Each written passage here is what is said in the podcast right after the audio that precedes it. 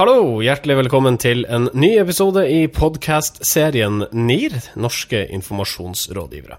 Mitt navn er Marius Staulen. Jeg har med meg mine, min vanlige duett her borte i sofaen. La oss begynne med herren i caps. Marius Størkelsen. Ja, som for anledninga også har fått seg ny headset. Gratulerer med det. Jo, takk for det. Jeg har fått nytt headset uh, fra uh, thefancy.com, som er en uh, litt sånn uh, uken, månedlig forundringspakke jeg mottar. Mhm. Uh, denne måneden var det headset og sånne, sånne der, um, hansker, vanter, som man kan uh, bruke mobilen utendørs uh, med vanter. Altså på touchscreen. Ja, ja. Mm. Greit? Kom du med de hit i dag? ja. Yep. Eh, De, de ser litt uh, feminine ut, men det, må, det er prisen man må betale for å kunne bruke mobil i kulda uten å måtte ta av seg hanskene. Ja, og det er derfor du har kompensert med basketballcaps. Ja, det tenkte jeg at Mm. det er i hvert fall så ligger jeg da i null. Eh, vi sier også velkommen eh, til rådgiver i blått for anledninga. Eh, Det er Sindre her, ja. Sindre Holme. Ja. Takk for det. Takk Velkommen for, hit. Jo, takk for at du sier velkommen. Eh, Ja. Ja. Da føler jeg meg velkommen, og det er fint. Vi starta med litt innledende pjatt, tror jeg. Sindre Holme, har du lyst kanskje å nevne at eh, paven har abdisert? Jeg hadde tenkt det, men nå er det jo 140 000 standup-komikere ute på Twitter som har eh, kommentert det før meg, så jeg er altfor seint ute, rett og slett. 140 000 standup-komikere, og eh, deg, Marius Storkelsen. Du har også lagt ut en ironisk tweet. Ja, jeg harselerte jo litt med, med det faktum at First House eh, ansetter mye tidligere toppolitikere og statsoverhoder, eh, mest av det førstnevnte, så jeg lurte litt på når han eh, skulle begynne i First House. Kan du på en måte si tweeten heller enn å forklare den? Ja, Det er tross alt bare 140 tegn. Ja, det er 140 tegn. Hvis dere lurer på hvor mange sekunder det tar å si det, så kan dere høre eh, nå. Lurer på når paven presenteres som ny First House-ansatt? Jeg tror ikke det var 140 tegn, men Kleint. Han eh, ja, ja, det blir jo litt sånn, men eh, han er jo eh, Han vil jo sikkert bli partner, da, tror du det? Eller tror du han får partnerstatus? Ja, jeg, Så, jeg ser for meg paven og Tor Mikkel Wara i hvert fall eh, kan jobbe godt sammen. Jeg lurer på hvor mye det koster for en velsignelse, om de tar det liksom på jeg tror ikke han er i stand til å gjøre det nå lenger. Han kan bare gi råd om velsignelse. uh, Han kan jo til og skrifting, da. Eller kan ikke det heller? Nei, dessverre ikke det heller. Bare rådige. rådig. All pavemyndighet er nå borte. Den går med hatten. Uh, hva du vil prate om da, Holme? Nei, jeg vil heller snakke litt om Nord-Korea. Han derre kjempebabyen som styrer der borte. Uh, altså, det er jo helt fantastisk. Altså, da har de nå har de prøvd å, prøvd å sprenge en atombombe for tredje gang. Eh, En prøvesprengning. Altså, når kommer den ekte atombomba, tenker jeg? Altså, hva, må det tre til? Eh, altså, hvor mange prøvesprengninger må til før den ordentlige bomba kommer, da? Jeg tror det Det er er tre. ganske lei. Med det fjerde skal det skje. Med det Eh, fjerde skal det skje. Er det Jeg, sånn jeg tror kanskje at, i hvert fall at man må tenke litt på dette termet russisk rulett, og kanskje bytte det til nordkoreansk. Nordkoreansk det eh, er det mye punchlines i lufta. merker jeg. Vi går rett videre til Marius Torkelsen. Du har eh, alltid mye på hjertet. Ja, jeg har hatt en uke i hestekjøttets tegn. Uh, ikke fordi jeg har eh, jobbet med Findus, men fordi jeg har lest mye om det. Det begynte jo med at, at Findus uh, har rapportert inn at eh, det kan være hestekjøtt i noen av lasagnene deres, hvor det skulle vært kjøttdeig. Um, nå er jo ikke den kjøttdeigen spesifisert, for så vidt, men uh, det som er interessant, er at Findus har fått mye pes og har måttet skyldt på underleverandører. Ja, det er jo ofte normalt når sånne, sånne type ting skjer, at de har fått eh, levert kjøtt av noen andre, som igjen da har hatt ansvar for at det skal være hestekjøtt i.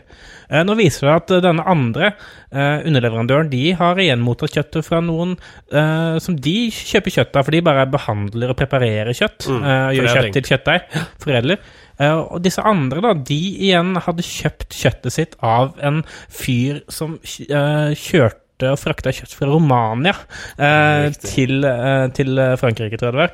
Eh, så røttene hittil har kommet tilbake til Romania. Så det er interessant på hvordan det blame-gamet fortsetter i, i, i mediene, og hvem som til syvende og sist vil sitte igjen med svarteper, eh, svarte hest.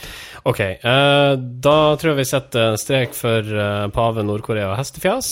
Vi skal gå gjennom dagens sendeplan, eller i hvert fall gi noen frampek om hva vi skal prate om. Det kan vi gjøre. Vi skal snakke om en eh, fiolinist eh, som eh, mener å bli utsatt for kjønnsdiskriminering. Jaså? Vi skal snakke om et byrå som har påtatt seg å åpne PR-bransjen. Ok. Da setter vi i gang. Dette er NIR, episode 19. Norske informasjonsrådgivere. Kongefamilien tar nå for første gang et generaloppgjør med det de mener er feilaktige reportasjer og grove overtramp i sladreblekka Se og Hør. Det skriver VG. Slottet velger også å kritisere de journalistiske metodene til ukebladet. Hva er det Se og Hør gjør galt? Nei, de mener at uh, Se og Hør gjør en rekke overtramp, sier de. Uh, de reagerer bl.a. på uh, det de kaller for paparazzi-bilder fra kongefamilien på ferie. blant annet mener de at det Se og Hør går for langt når de tar bilde av disse her barna i badetøy, og uten å gi seg til kjenne. De mener også at Se og Hør utgir seg for å ha eksklusive intervjuer med kongefamilien, som egentlig er gjort med andre blader osv. Så, videre. så det her er egentlig oppspart mye frustrasjon og irritasjon som kongehuset nå selger inn til VG og sier at nå, nå skal dere høre her. Ja, for, men det er jo ikke noe hemmelighet at Se og Hør har vært i tottene på kongehuset siden oppstarten. Nei, men uh, kongefamilien er jo også vært ganske forsiktig med å være så eksplisitt i kritikken av ett enkelt eh, medie. Altså, Men det, er det andre enn Se og Hør som sniker seg inn på kongefamilien på stranda og tar bilde av barna som leker i sanda? Nei, akkurat det er det nok ikke. Men uh, det må bli feilsitert og, og på en måte og, og når Altså, kongehuset liker ikke når, uh, når mediene tar regi Eh, på omtalen av kongehuset. Og de liker å ha styring på det. Uh, og her, uh, nå mener da kongehuset at det har gått for langt, og det tror jeg er en vurdering som ligger bak. At uh, nå er Se og Hør ikke så viktig for oss, mm -hmm. så nå kan vi ta dette her oppgjøret. Marius Torkelsen, er dette en korrekt vurdering av kongehuset? Det er noe litt sånn Altså, ikke bit hånden som fòrer deg over det. Eh, fordi det er jo ikke til å stikke under en stol at kongehuset også nyter godt av den oppmerksomheten de får i Se og Hør. På hvilken måte? Nei, fordi eh, det, det, er to ting. Altså, for det første så får de oppmerksomhet i Se og Hør eh, for ganske trivielle ting. Sånn altså Kongefamilien er på ferie på Korsika. Ok? Det er jo altså, for hvem som helst annet, da hvem som helst annet medie, hvem som helst annen eh, person, så er det en ikke-sak. Det er Men, utrolig kjedelig. Uh, og for det andre så er jo Se og Hør utrolig snille i omtalen av uh, kongeparet. Hvis man sammenligner med andre annen kulørt presse rundt omkring.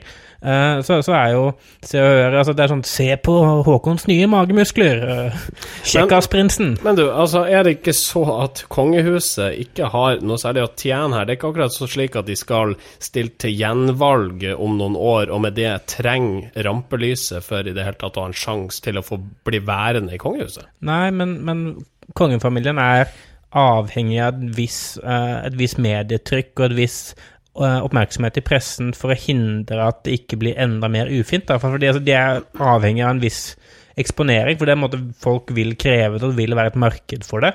Og gjennom at Se og Hør nå har hatt og holdt i det, eh, så har de i hvert fall fått det er, ganske, det er ganske forutsigbart hva slags type oppmerksomhet og type oppslag de får. Eh, fordi Se og Hør tilfredsstiller måtte, det behovet som noen i befolkningen har for å lese om familier, eh, familieferier og, og, og, første skoledag og sånn. Mm -hmm. eh, men, men det man måtte si at Se og Hør, dere får ikke lov til å dekke oss lenger, så vil noen fylle det rommet. Og det er ikke gitt at de kommer til å være like Kall det respektfulle, eller i hvert fall like snille med dem som, som Se Hør egentlig har vært. De har faktisk ikke eh, klaga dette her innenfor PFU. Og det burde de nok kanskje gjort, eh, for da er det lettere å på en måte sette inn kanonsiktet kanonsikte og si at ok, nå har vi klaga dere inn for PFU, dette er klart brudd på presseetikken, men det de sier er at vi vurderer å gjøre det. Mm -hmm. Og det er en litt sånn merkelig rekkefølge å gjøre ting på, syns jeg, da. Fordi at eh, her risikerer det egentlig bare å komme i en sånn der krangel. Uh, og der, det kommer jo ikke Slottet så veldig godt ut av, for de er den store her. De er, de er makta. Ja, så det er synd i Se og Hør, egentlig. Ja, men det er jo det som er litt fare her, da, på en måte, at Se og Hør kan bli et sånn derre uh, Kan bli fremstilt som et offer. Uh, fordi kongehuset uh, liker å styre agenda, men har ikke retten på sin side. Ja, og, og, så er det sånn Fordi kongehuset virker som at de bare prøver å gå ut og vinne folkemeningen, da, som folkeopinionen, i Slottet mot Se og Hør.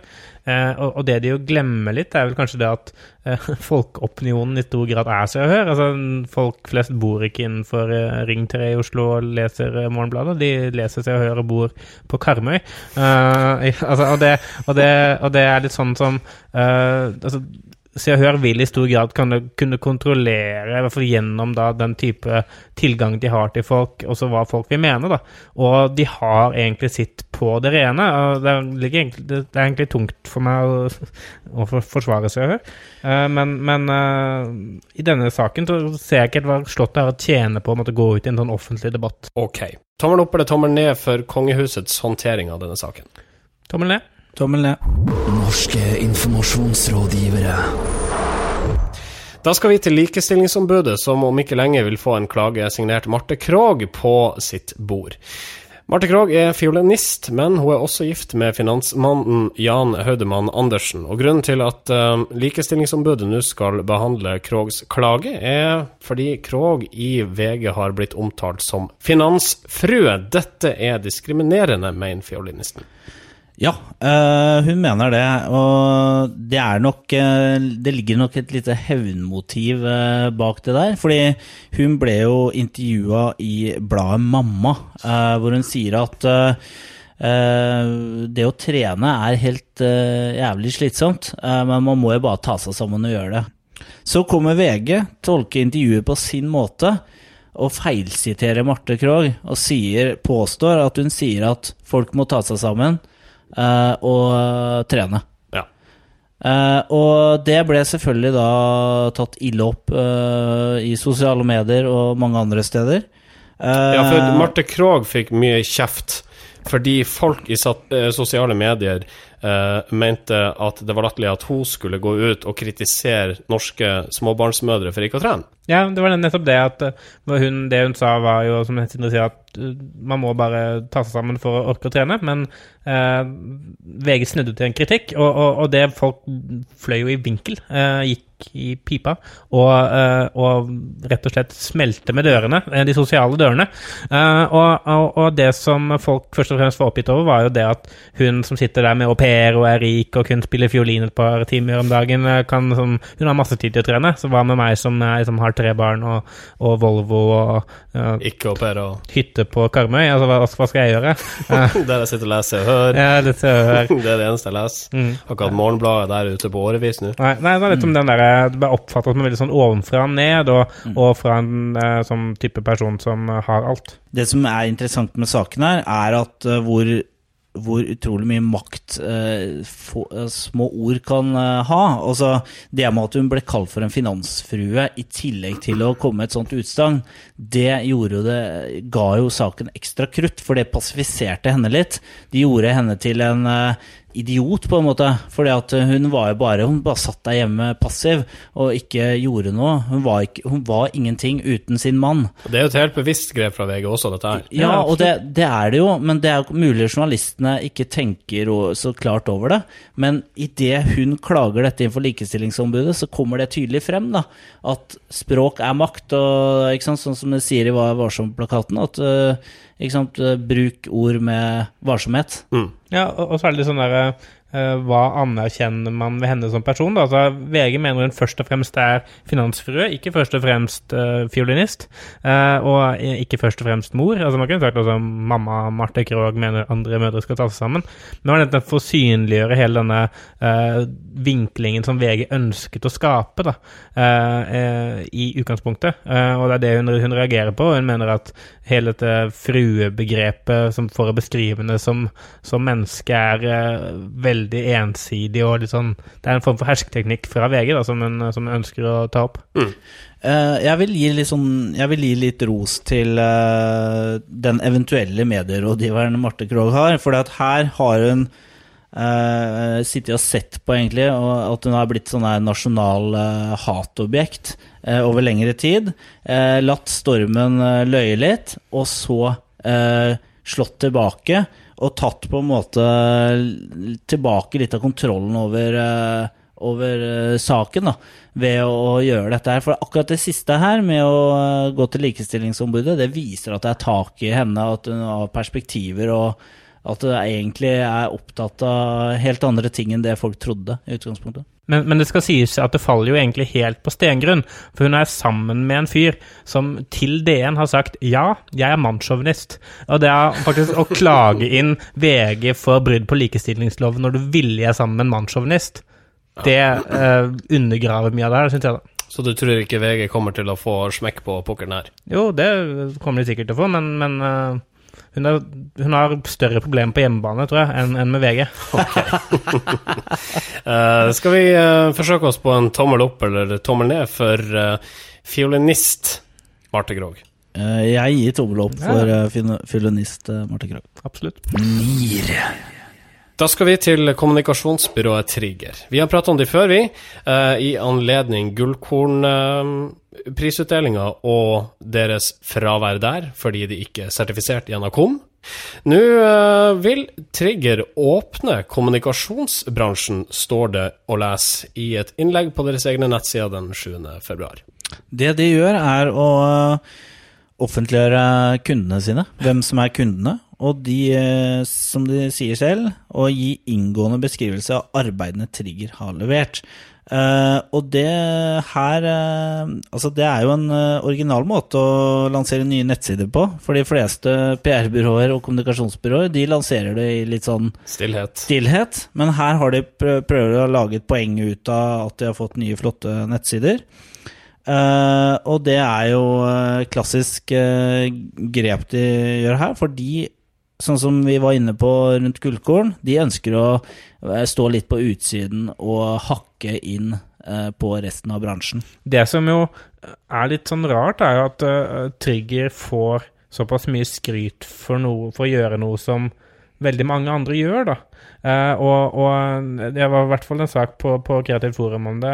Jeg vet ikke om det også var noe i, i kampanje, men, eh, men det måtte å snakke om åpne kundelister eh, når man egentlig har cases eh, på siden sin og en eh, side med logoene til alle man jobber for. Eh, det er fortsatt et stykke igjen til åpenhet, da, syns jeg. Ja, hva, hvor langt er igjen til åpenhet? Hva må til nå, da?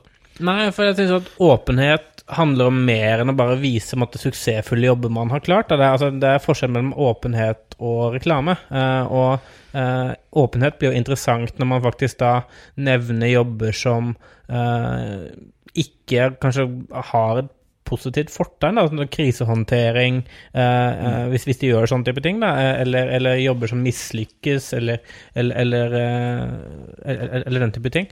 Eh, og Nå sier jeg ikke at eh, byrået jeg representerer, er, er noe bedre på det. så sånn. PR-operatørene? PR-operatørene og spre. Eh, og, men, men det er bare det man påberoper seg det, på vegne av en bransje, eh, så, så setter det en del krav. da. Altså, eh, det Trigger snakker om her, det er åpenhet rundt eh, en type PR-arbeid som det er relativt stor åpenhet rundt fra før. Sånn at er De går kanskje litt lenger ved å være ganske konsekvente og si at alle vi jobber med, eh, er her, og så viser logoene. Men casene, eksempel, casebeskrivelsene, det er, det er ikke noe nytt. Og, og det, det er litt sånn det viser, vel he, det viser vel heller hvordan bransjeglidningen eh, er skjedd. Altså at det er en At PR-byråer reklamebyråer er likere enn det var tidligere. For det interessante rundt åpenhetsdebatten i PR-bransjen er kanskje ikke kundelister, men det er hvordan man jobber. Og eh, der eh, ikke, bringer ikke Trigger noe nytt til torgs. Men det ville jo First House gjort. Ja, sånn hvis de hadde snakka mer åpent om hvordan eh, de politiske prosessene er, f.eks. Så Trigger er kanskje ikke det riktige byrået til på vegne av en samla kommunikasjonsbransje begynne å åpne dørene? Nei, altså det er i hvert fall mye enklere for dem å være åpne enn det er for, for henholdsvis, som du nevnte, First House, eh, de som er tyngre på en måte corporate og, og, og, og lobbydelen av, av bransjen. Det er jo en klisjé, men det er jo litt eh, Vi kan vel egentlig bare si at eh, Trigger her slår opp åpne dører. Nettsidene var ganske ok, da. Ja, Fine eh, ja. fine nettsider, fantastiske jobber, og jeg gleder meg til å få lest gjennom alle casene. Ikke gjør dette. Da skal vi til AU, som nå har fått seg ny kommunikasjonssjef. Det er 25 år gamle Kari Øye Nilsen. Eh, dette er ikke gjør dette spalta. Hvorfor er dette her? Jo, fordi at eh, Ahus er jo en av Norges eh, mest omdiskuterte virksomheter. Det er 9000 ansatte, sykepleiere og leger, som til enhver tid eh, har sitt å stri med, og, eh, ja, og kanskje ikke er på talefot eh, hele tiden. Det har vi sett gjennom mediene. Eh, men det som har skjedd der nå, det er at de skulle ha ny internkommunikasjonssjef, og internkommunikasjon handler jo om å koordinere Og få folk til å prate sammen. Og få folk til å prate sammen, og, og det er en veldig veldig krevende jobb. Kanskje en av Norges mest krevende kommunikasjonsjobber i, um, i det offentlige. Og der har da Ahus ansatt en uh, dame som uh, de ikke har ansett på bakgrunn av en vanlig stillingsutlysning, men uh, rett og slett hanka inn fra nettverket sitt, sier de. Ja, som så Ahus har et nettverk av uh, folk som står klar til å besette sånne jobber. Ja, altså de har eh, snakket med eh, redaksjoner, PR-byråer og og andre folk i, i nettverket. Eh, og så valgte de å ansette en partikollega av HR-sjefen fra partiet Høyre. Og det virker jo litt rart, syns jeg, og det er tydelig at uh, det er et eller annet her som skurrer. Fordi denne personen som blitt ansatt som sjef for internkommunikasjon, hun har heller ikke noe eh, praktisk erfaring å vise til utover en bachelorgrad fra BI. Og som hun selv sier, så eh, ble hun sjokkert når hun fikk telefonen om å komme på jobbintervju, for hun skulle jo egentlig et halvt år å studere i Shanghai. Mm og det tyder i hvert fall på at eh, det ikke først og fremst er eh, altså faktisk resultater de har gått på i, i ansettelsen, men heller kanskje et potensial, da. Men uh, hvilket potensial er det de har sett, da? Ja, Potensialet de har sett, er jo, uh, baserer seg jo på at den er en aktiv eh, politiker. Sitter i kommunestyret for Høyre i Bærum og har uh, vært uh, jobba et halvt år i kommunikasjonsavdelingen på BI. Men det er to ting her som er litt spesielle. og Det er jo det ene er at man ikke lyser ut en sånn stilling som er attraktiv og veldig, veldig utfordrende. Eh, det andre er jo at eh, han som eh, ansetter, og den ansatte, de kjenner hverandre veldig godt fra før. Så det her lukter jo ikke godt, og han sier jo også, han, han Reve, som da ansatte henne, han sier at vi trengte en person relativt rask, så da valgte vi å benytte oss av nettverk, sier han. Neste gang lyser vi ut aktuelle stillinger. Og det, det her er jo Det er også litt rart at han sier neste gang, for det er, er han ja, er allerede misfornøyd. Det, er, det virker som en innrømmelse at oi, det, det her var ikke så lurt. Uh, vi, vi gjør ikke det her en gang til. Dette her er ikke som de her eh, sommerjobbkonkurransene der vi ser at store virksomheter lar en eller annen 20-åring være sjef over sommeren. Jeg skulle nesten tro at det var det. For det, er, det, er, det er den ligaen der. For at, uh, som vi var inne på, en meget utfordrende og viktig kommunikasjonsstilling. Eh, her er det mye som eh, skal gå på skinner, og det er, det er 9000 ansatte som, eh, som skal gå i takt. Eh, og det trenger du erfaring eh, for å få til, da, tror jeg. Og det som også er med sånne offentlige ansettelsesprosesser, at idet de lyser det ut, så må de også stille noen krav til eh, Noen offisielle krav til de som kan søke, og de som skal bli valgt. Og da har de heller, heller ikke lov å fravike fra de kravene uh, når de faktisk ansetter. Da må de tydeliggjøre måtte, det i prosessen at hvis de velger at personen skal ha minst to til tre år erfaring fra, fra byrå eller fra kommunikasjon og lignende arbeid, så må da personen som ansettes faktisk kunne dokumentere det. Uh, og det har de jo måtte, glatt da omgått gjennom gjennom å gjøre det på, på denne måten. Og det er tydelig at uansett om hun er flink eller ikke, eh, så får hun i hvert fall en veldig dårlig start. eh, det er godt hun ikke skal jobbe med ekstern kommunikasjon, for, for å si det sånn, for det er i hvert fall eh, vi har bestilt spørsmål både internt og eksternt ved hvorvidt hun faktisk har fått jobben fordi hun fortjener den, eller fordi hun da kjenner godeste revet. Så ikke gjør det. Ikke gjør det. Nei. Men det er for sent nå, Ja, ja, for det jo allerede gjort. Ja, men så- som han sier, så skal de ikke gjøre det igjen. Nei. Så de har for så vidt skjønt. Så ikke gjør det neste gang. Ukas medieinnsalg. Og uh, dette medieinnsalget det kom opp i uh, samtalen før vi gikk på lufta. Ukas medieinnsalg det går til Tone Damli Aaberge. Hele Norges eh, sangdøling, eh, Tone Damli Aaberge, hun fortjener rett og slett ukens medieinnsalg fordi hun um, og det, er sånn, det er ikke fordi hun har vært spesielt flink denne uken, men også denne uken har hun vært spesielt flink. Eh, over lang tid har hun fått masse oppslag på kjoler, på rumpetrening, på kort skjørt, på at hun kysser svensker, på at hun ikke skal flytte sammen med svensker, eh, på at hun lager sanger med svensker, osv., osv. Hun er flink hele året, Ja. basically. Tone Damli hele året, hver dag. Det er en eller annen kombo der som er eh, helt uslåelig, som gjør at vi bare blir ikke lei. Altså Det er sånn hubba bubba som eh, ikke går tom for smak, på en måte.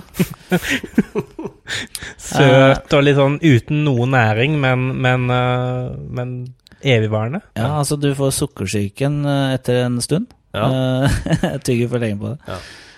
Nei, men Det er sånn, det er sånn samme fenomen som man ser det med en del andre, som Per Petter Stordalen også. Han virker også som en utømmelig kilde av medieoppmerksomhet. og uh, Nå har ikke han akkurat konkurrert med Tone Damli de siste månedene, men, men uh, han er også en sånn person som han bare får oppmerksomhet, bare får omtale, for uansett hva han gjør. Altså, mm. han stiller opp i ekstra hvit skjorte, så får han omtale på det. Se Eh, på skjorta til Petter Stordalen, den er hvit. Skjorte-Petter.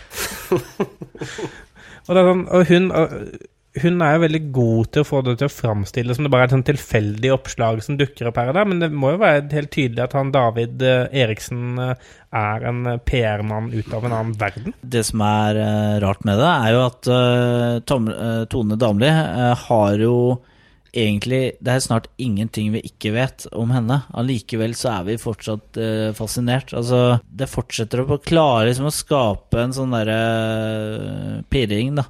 Eh, hos uh, lesere og seere. Og det er jo tydelig at den PR-strategien hun har lagt til grunn, funker, for nå er eh, PR-maskineriet hennes på vei inn i Sverige. Uh, ruller inn over grensa, og hun har måtte, begynt å bygge seg opp i Sverige gjennom å kysse svenske kjendiser og sangere uten at det egentlig betyr noe, gjennom å lage musikkvideo med svenske pop-yndlinger, og, vi må snakke klingende svensk, rett og Og deltar vel i Melodi Grand Prix der borte, gjør hun ikke det? Ja, det gjør hun også. Ja. Ja, og det, Sviker. I kort kjole, jeg skal vite, og det fikk hun også oppmerksomhet på. Mm.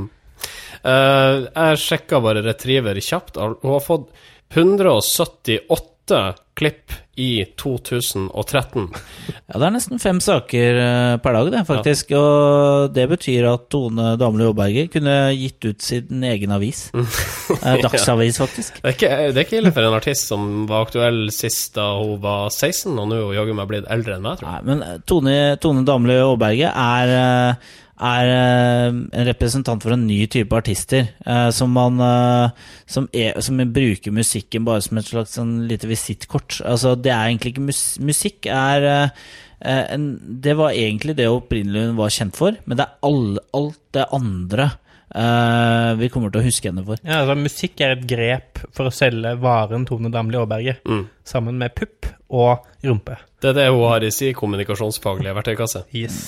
Så uh, dette var ukas mediesinnsalg. innsalg. Ja, men det er altså et initiativ fra Tone på å gjøre måte, musikkbransjen mer åpen. Kudos. Nesten ukas kudos. Uh, Eh, vi eh, beveger oss videre. Norske informasjonsrådgivere.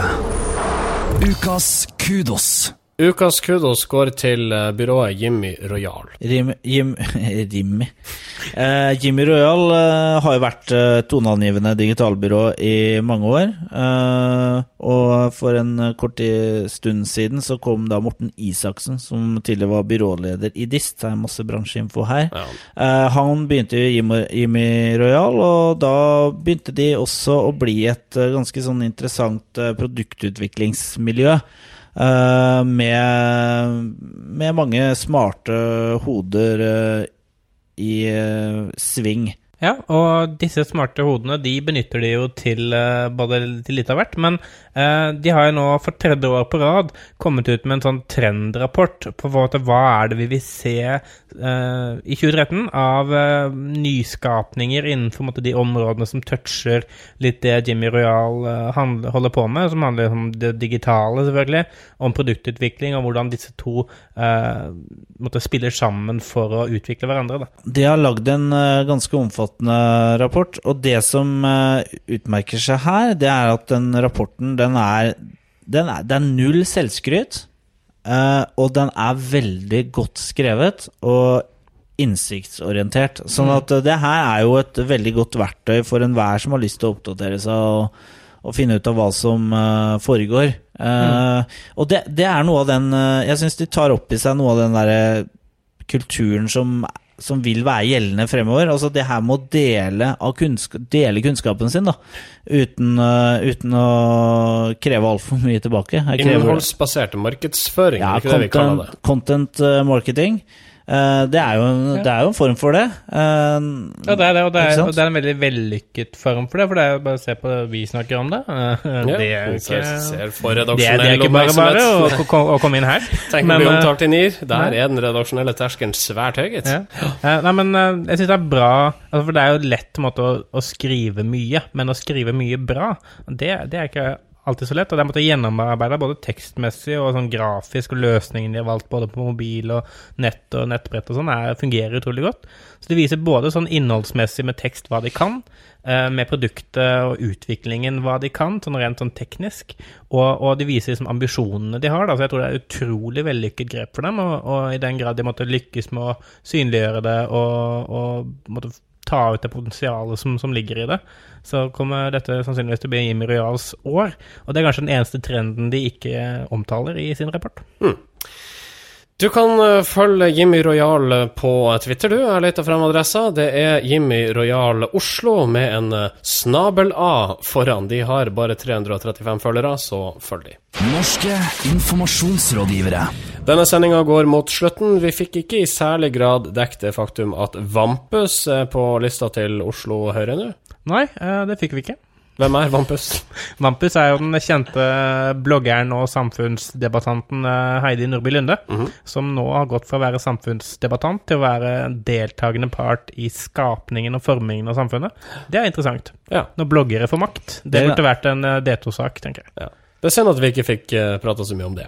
Ja, det er faktisk det, fordi at øh, det blir vel den første gangen så øh, dyktig kommunikatør kom på Stortinget. Altså, hun er jo uh, Og har vært en sånn uh, Ja, men øh, det er sant, ja. Hun er jo også en del av vår øh, bransje. Men vi rekker ikke å prate om det. Så jeg tror Nei, vi, nei. eh, det, det, så det må vi bare stoppe å snakke om. Ja. altså, Stopp nå. det er- Stopp nå. Ja, men det er det hun også har gjort det er mye av. er Det er Vær klart at øh, stille, da! Gud bedre, vi har eh, våre Ja, pliktløp å gå mot Ja, slutten her. Kan men, vi, eh, kan vi vennligst kan, vi, kan vi ta det neste gang? Vi kan ta det når valget nærmer seg. Ja, vi tar det når valget nærmer seg, tror jeg. Ok, nedtelling til valget Ja. fra nå. Greit. Okay.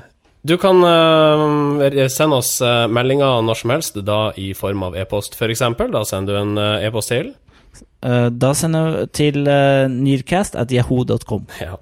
Eh, du eh, finner oss i iTunes, der er vi tilgjengelig, men eh, for deg som foretrekker andre plattformer, så er vi også tilgjengelig på SoundCloud. Soundcloud.com slash nearcast. Ja. Og vi har altså ei Facebook-side med 766 like. Vi, Det er ikke verst, vi, altså.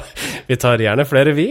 Uh, adressa vår er Det er facebook.com slash nearcast. ja. Skal vi bli litt bedre på å oppdatere den, med Ja, det- litt innhold av verdi, er- som vi ja. ofte forfekter sjøl? Ja, ikke sant? Jeg, jeg liker jo bedre at uh, dette er For nå er vi jo i, i sosiale medienes tid, så da kan folk selv ta ansvar for å oppdatere seg selv med innhold som gir verdi. Ja. Så slipper vi å gjøre det. Ja, men jeg, tror, men jeg, jeg, får, jeg slår et slag for sånn åpenhet i podkast-bransjen. Ja. Så jeg syns at vi skal dele mer. Ja. Vi legger ut noen eh, bilder av dagens eh, sending, altså fra dagens sending, Ja. på våre sider, sånn at det ikke er noe tvil om hvordan vi tar opp, hvilket utstyr vi har, eh, hvordan ansiktsuttrykk vi påkler oss når vi diskuterer disse sakene. Og hvilke sokker vi har på. Mitt navn er Marius Stølen. Mitt navn er Marius pluss Tørkelsen. Uh, Sindre Holme her er mitt navn. Du må si det mer sånn konkluderende. Og mitt navn er Og mitt navn er Sindre Holme. Norske informasjonsrådgivere takker for seg. Ha en fortsatt fin dag. Norske informasjonsrådgivere.